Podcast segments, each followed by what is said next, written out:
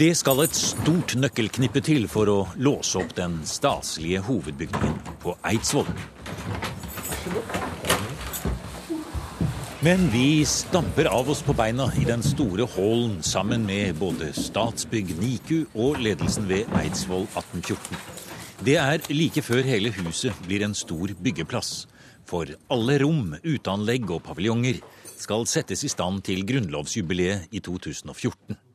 Det skal koste drøye 300 millioner og ta et par-tre år. Men til gjengjeld skal Eidsvollbygningen skifte ham og finne tilbake til slik det var i 1814. Jeg syns jeg hører et Hva vi hører suse bak For hvis vi står helt stille her inne i hallen, hører vi en summende lyd som helt sikkert ikke var der når Karsten Anker var husets herre. Det er varmluftsystemet fra 1950-åra. Det de, eh, de, har de har tjent huset trofast i de 50-åra, men Eh, det er klart det gir da eh, varme i deler av bygningen, og så ligger resten kaldt. Og det som er målet nå i forbindelse med restaureringa, er at man får lagt inn varmeelementer i de respektive ovnene. Og da vil jo på en måte hvert rom eh, fungere som en oppvarmet enhet.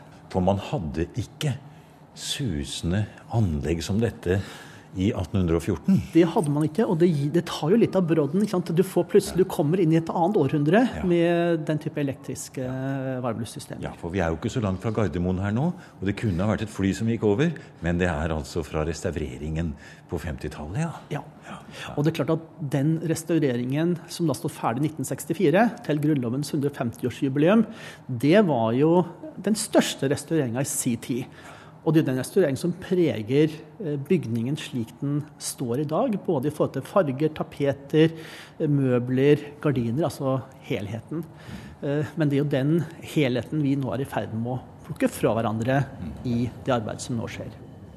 Kunsthistoriker og bygningshistorisk ekspert Geir Thomas Risaasen ved Eidsvoll 1814 har studert hele anlegget ned til minste detalj, og jobber sammen med Statsbygg og Riksantikvaren for å skrelle bort tidligere restaureringer og virkelig gå i dybden, bokstavelig talt, for å hente fram farver, interiører og utseende slik det faktisk var da grunnlovsforsamlingen inntok huset i 1814. Det skrev vi.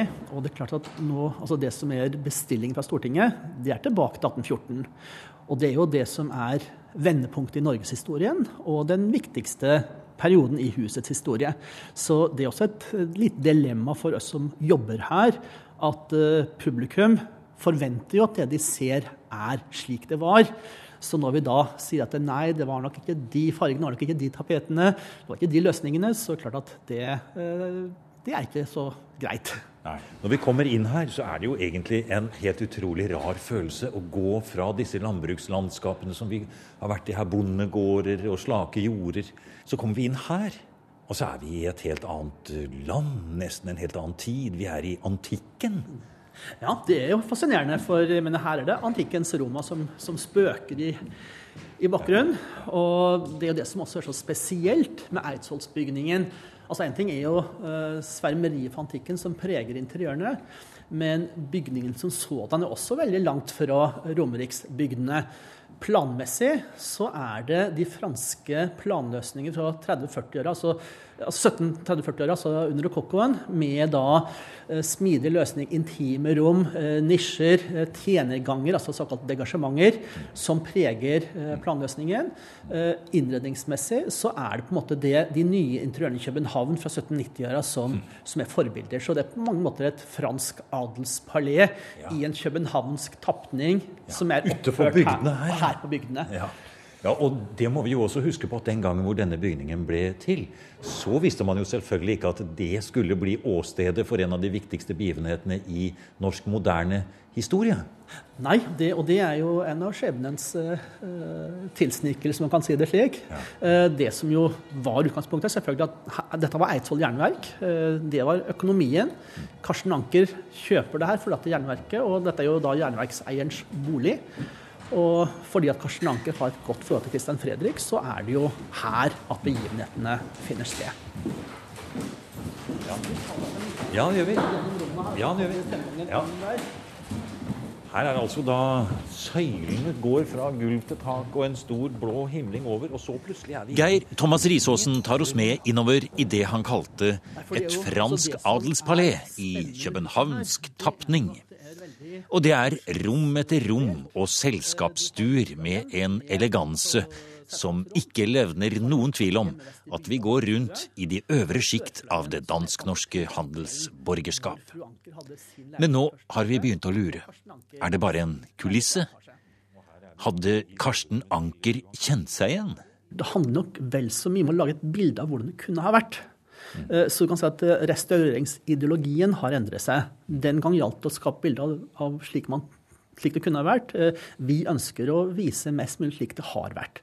Samtidig så må vi også si at 1964 var hadde, et, hadde, nok også et ideologisk ønske om på en måte å fornorske bygningen. Eh, eksempelvis så ble eh, Karsten Ankers malte tregulv de ble da eh, slipt ned for å framstå som trekvite. Karsten Ankers importerte gardiner, altså gardiner av importerte stoffer, de ble da rekonstruert i norske ullkvaliteter.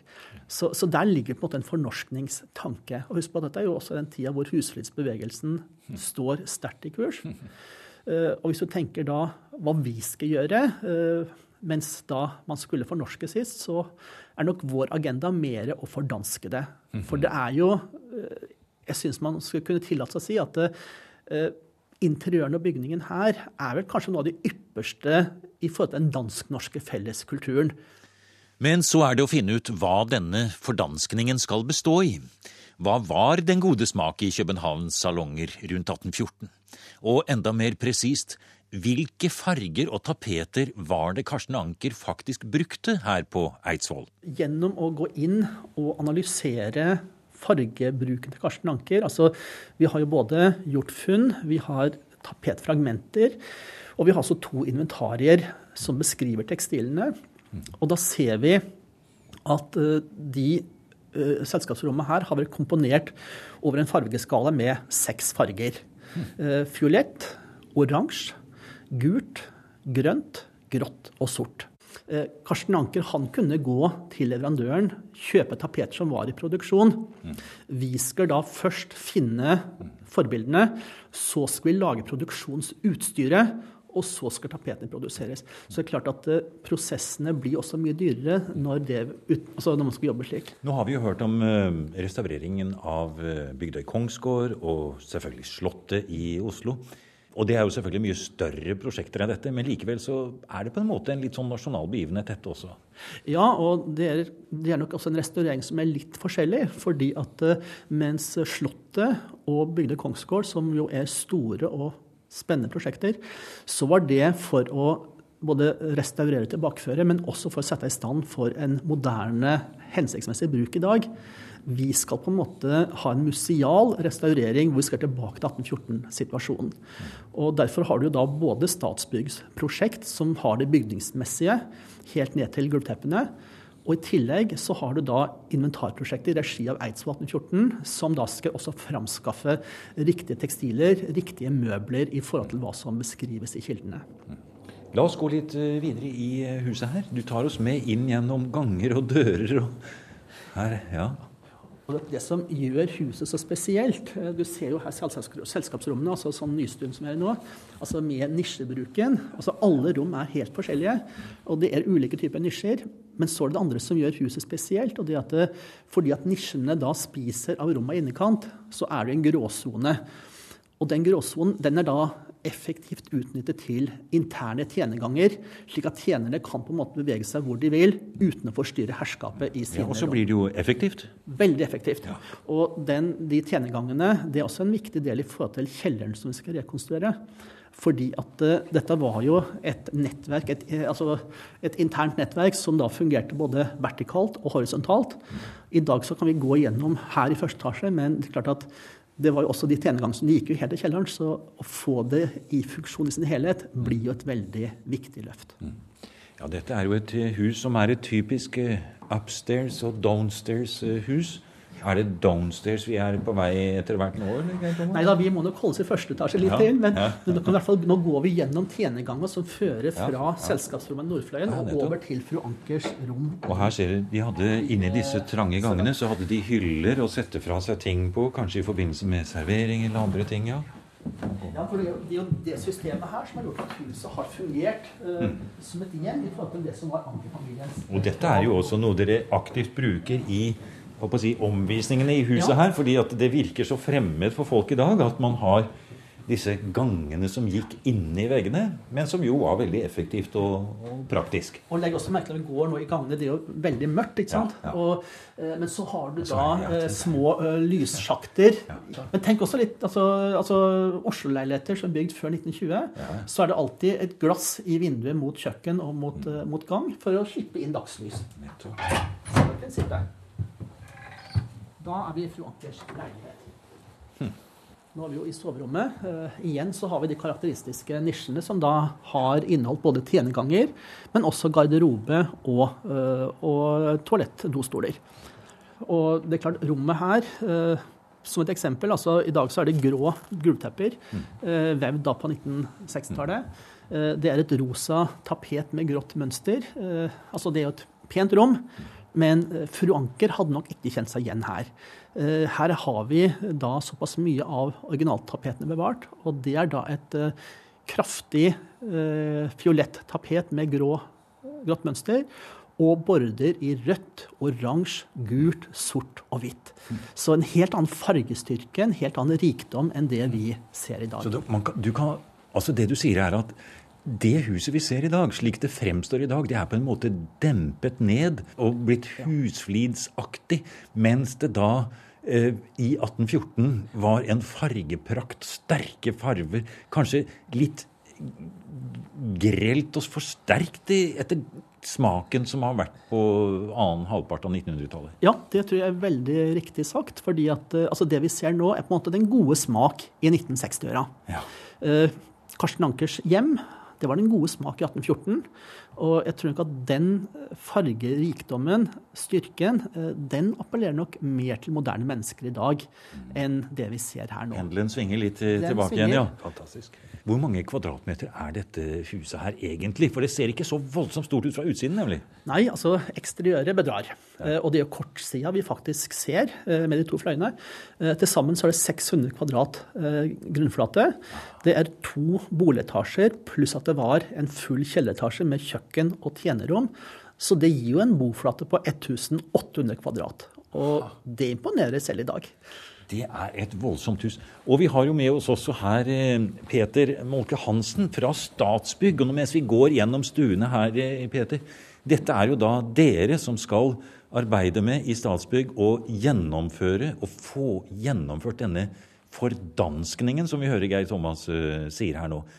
Er det ikke nesten litt uh, merkelig at Statsbygg skal ta det bort og sette opp noe nytt når det er, ser så flott ut? Jo, det er eh, Jeg kvier meg også litt for å fjerne det vi har i dag. Ja. Det er ikke bare bare å, å ta det bort. Men eh, vi må tenke på at vi har en, en jobb og et mål om å få det tilbake til 1814. Og da eh, har vi en god begrunnelse, syns jeg. Vi må eh, tenke på at det har vært sånn i 50 år også. Så det er eh, sånn tidsmessig også eh, Noe må gjøres for å holde bygget ved like. Og, da, eh, og den oppgaven vi har fått med å tilbakeføre det til 1814, den syns jeg er, eh, er god, og dette ser vi fram til. Eh, har Eidsvollbygningen på en måte forandret seg litt i dine øyne når du har gått igjennom alt dette her? og sett, Har det tatt deg litt tid å akseptere at du skal gå inn og gripe inn i bygningen på den måten?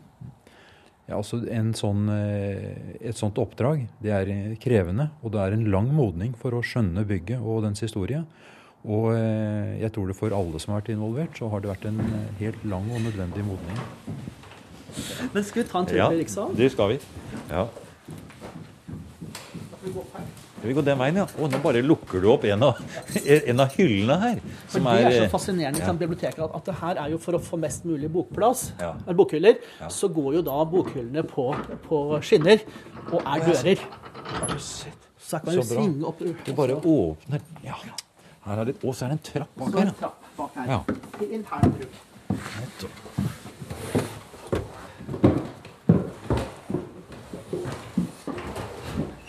Enda noen lønndører åpner seg. Og her kommer vi inn til håndverkere og trapper og det hele. For dere er, dere er rett og slett i gang alt? Altså Nå er jo fargeundersøkelsene inne ja. i en avsluttende fase. Nettopp. Du får begynne med å forklare litt hva som eh, skjer her, Fredrik. Ja, eh, Det vi har holdt på med her eh, de siste dagene, det er jo fargeundersøkelser. Her er griktene rundt eh, noen dører tatt av for å lete etter rett og slett gammel maling. Hvordan dette så ut i 1814. Og bak denne lerretstapeten så har man funnet slik man mener det var på Karsten Ankers tid. Her har vi tatt bort ei dørgrikt. Og det vi først da ser inn på, det er et eh, grønt lerretstapet fra slutten av 1800-tallet, eller 1860-åra er det. Og det satte de på da de skulle pynte opp i salen og, og lage et sånt pantheon over alle eidsvollsmennene. Og da syntes de at grønt var en høvelig farge, fordi at det skulle minne om granbaret som salen var pynta med i 64. Men som konservator Kristin Solberg fra Norsk institutt for kulturminneforskning fort legger til, den grønne tapeten fra 1864 er ikke det man leter etter denne gangen. Nå gjelder det å finne 1814. Men så bretter vi den til side, og da ser vi rett inn på 1814. Sånn så veggen ut. Det, det vi ser, er altså en hvit limfarge, og så er det en såkalt stenkdekor. Der har de altså Med ris så har de eh, spletta på lim, la, limfarge i, i rødt og svart. Så det, det skal gi en slags steinimitasjon. Tenk deg granitt med sånne, sånne små prikkmønster. Dette er en dekor som er veldig vanlig i Sverige på denne tida, men vi har ikke funnet den så ofte Men, i Norge. men mener du da å si at hele rommet kan ha vært stenket med disse Ja. røde og sorte prikkene Ja. på hvit bunn? Det mener jeg absolutt. Så altså Eidsvollsalen, slik som den var da de satt her og diskuterte Grunnloven, den, det har vært, veggene har vært sånn? Ja, det mener vi at de har vært. Og så har det vært uh, pynta med veldig mange av Karsten Ankers malerier, som også hang på veggen. Men eh, Geir Thomas, eh, stemmer det da? Det er, ikke, det er jo ikke sånn det henger Det ikke i Stortinget. Det er ikke det bildet vi har verken i Stortinget eller på vårt indre. Men uh, det som jeg syns er veldig artig med det Kristin og Edvin Ferreiden har funnet, er jo nettopp at uh, altså, når du har, altså Stenkmaling er jo en billig, enkel form for dekor. Uh, her har man valgt rødt, man kunne også, som et billig pigment. Man kunne også valgt oker, som også er et billig pigment. Men når det er rødt, så gir det også mening, for her var jo benkene trukket med rødt klede. Og rommet var opplyst av fire rødlakkerte argantiske lamper. Så den hvitmalte veggen med den røde og sorte stenkdekoren altså Det røde har jo blitt forsterket også gjennom de andre fargeelementene her. Men har vi rett og slett fått et nytt bokstavelig talt bilde nå av um, hvordan Eidsvollsalen så ut? Ja, Nå endrer det bildet seg radikalt. Og vi visste en annen ting som var forskjellig altså da og nå. Og det at i dag så har jo Rikssalen smårutete vinduer. I 1814 så var det storrutete vinduer her. Og jeg tør vedde på at mange av eiendomsmennene her hadde aldri vært i et rom med så store glassruter som det de så her. Eh, Det hadde det jo vært spennende å få tilbake. Eh, Og når da i tillegg veggene var helt annerledes, så er det jo en helt annen sal som, som tegner seg. Utrolig spennende å se. Har dere visst om dette lenge, denne stenkmålingen? Nei, bare noen få dager. Det, det er helt ferskvare, denne nyheten her. Ja. Og det kom jo som en overraskelse på alle. Men det sier også hvor viktig eh, det, altså det at Statsbygg har gått inn med så store fargeundersøkelser, altså det sier også betydningen av det. Fordi at eh, hele bildet av Eidsvollsbyggingen endrer seg jo radikalt. Så det gjelder både det ytre og det indre. Så, og det at vi finner al altså nettopp de sporene i Rikssalen, det, det er jo særdeles moro. Men den, ja. Gutta, eh, vi gjorde et funn Altså, vi har forstått noen rosa lapper. Det har vi forstått nå for ti minutter siden. Så nå Det vet dere, jeg ingenting om. nå må dere komme her og se på det. Ser dere her under eh, det grønne lerretstapetet? Ja, der har du Så står det her Her er noen rosa små ja, papirrester som er stifta fast på den uh, limfargemalte veggen. Så dette betyr at det har vært et rosa papirtapet på veggene før dette lerretstapetet kom. Nettopp. Ja, det har vært en ting imellom der, ja. Ja. Og da er det vel nærliggende å tenke at det kommer etter at eh, bygningen blir nasjonalmonument da, Ja. på 1850-tallet. Ja. Altså, det kommer Stortinget seie. eie. For det jo da bygningen her får plass på statsbudsjettet, og det blir penger til å gjøre bygningsmessige ting. Det Wergeland skriver, at eh, når Eidsvolls Altså, han var jo blant initiativtakerne til å kjøpe inn det her som nasjonalmonument i 1837. Men han skriver at det, når, nå står nå bygningen her, men når den en gang er borte, da kan vi erstatte den med et verdigere monument, altså en obelisk eller en pyramide, bygget i de, de norske steinsortene. Så det var Og i dag får man kanskje bare være glad for at det ikke gikk som Wergeland tenkte seg akkurat i den saken. Etter årets sommersesong stenger hovedbygningen på Eidsvoll for vanlige publikumsbesøk, og åpner ikke igjen før til grunnlovsjubileet i 2014. Og da skal fargeprakten fra 1814 være på plass. Men helt stengt blir det ikke, sier direktør Erik Jondell. Nei, det gjør ikke det. Det blir eh, hva skal vi si, nesten stengt, med begrenset tilgjengelighet. For vi satser eh, veldig på å ha noen åpne søndager, f.eks. i perioden hvor vi kan ta inn folk sammen med Statsbygg, selvfølgelig, og vise hva er det som skjer her nå. Så det her er jo en måte å holde, holde kaka litt varm. Og selvfølgelig så blir Wergelands hus åpent, og museumsbutikken der står her, så det er business as usual. Eh, Det vi gjør nå er også å bygge om eh, deler av utstillingen oppe i Wergelands hus, og for å skape litt nye tilbud der som vi har som eh, erstatning for Eidsvollsbygningen. Målet med ombyggingen ute og inne er ikke bare å få fram farver og de riktige interiørene, men også å gi publikum en helt ny opplevelse av hele det yrende livet som Karsten Ankers husholdning besto av. Vi skal huske på at en del av eh, grunnlovsarbeidet som vi ikke ser i dag, det er jo de tjenestefolkene som servet alle eidsvollsmennene. Husk det var 112 representanter som spiste to varme måltider om dagen i huset her. Og det skulle lages mat, det skulle stykkes kjøtt, det skulle ordnes og styres. Alt dette foregikk nede i kjelleren, som dessverre ble borte ved en eh, ombygging for eh, drøyt 100 år siden. Eh, det får vi ta til i dag. Så hele hva skal vi si, det lagdelte samfunnet som skapte Grunnloven, det får vi tilbake. Men hvis du ser her nå, nå er vi da i det som sannsynligvis var den gamle folkestua. Og her ser vi at eh, bjelkene har jo vært synlige. Ja, Og så har- har da- forseggjort, ja. Har himlingen vært rappet imellom. Så her har det vært et oppholdsrom, rett og Ja, slett, som du sier. En da- folkestue. ja. Det betyr med andre ord der hvor Det er folkenes spisestue. Ja. I den enorme kjelleren under Eidsvollsbygningen er det i dag bare lager og tomme vegger og gulv. Men her kommer den aller største forandringen. For når alt er ferdig, skal tjenerstabens trappeløp komme ned her. Det skal være grue og kjøkken, oppholdsrom og folkestue, sier Geir Thomas Risaasen. Og det er klart at det i 2014 å kunne se da hvordan tjenerskapet altså spiste middag her nede, sammenlignet med den elegante spisestuen for uh, familien Anker i etasjen over, det, det blir jo en helt annen opplevelse. Og, og det er klart at 1814-grunnloven springer jo ut av datidas standssamfunn, uh, hvor klasseskillene var enorme, og det at Eidsvollsbygningen faktisk er og var en verden i miniatyr, det gjør jo også opplevelsen mye rikere. Hvor var selve si, kjøkkendelen av her ser du himmelingen spor etter Ja, der, ja. kappa som grua Ah. hadde. Og, og, på den, og på den oppmålingstegninga vi har, så, så er så, altså, omkretsen av den grua er da ca. 360 ganger 160.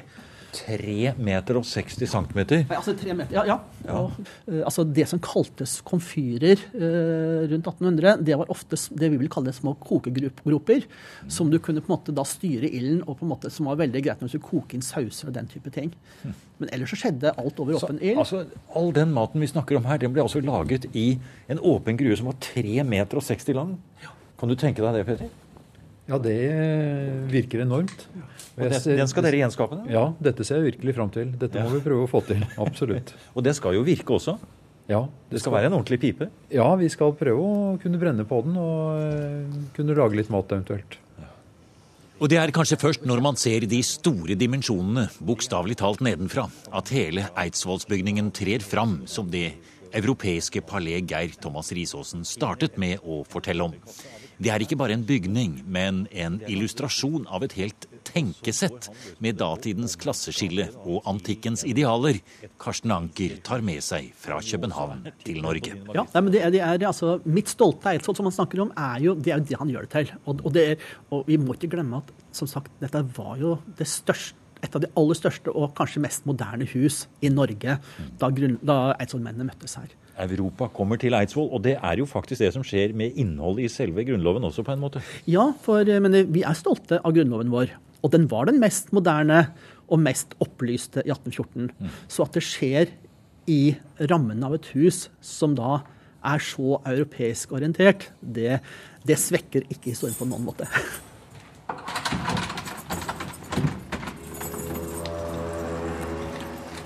Du har nå hørt programmet Museum som podkast fra NRK. Museum sendes i NRK P2 på lørdager og søndager. Du finner flere programmer på nrk.no podkast.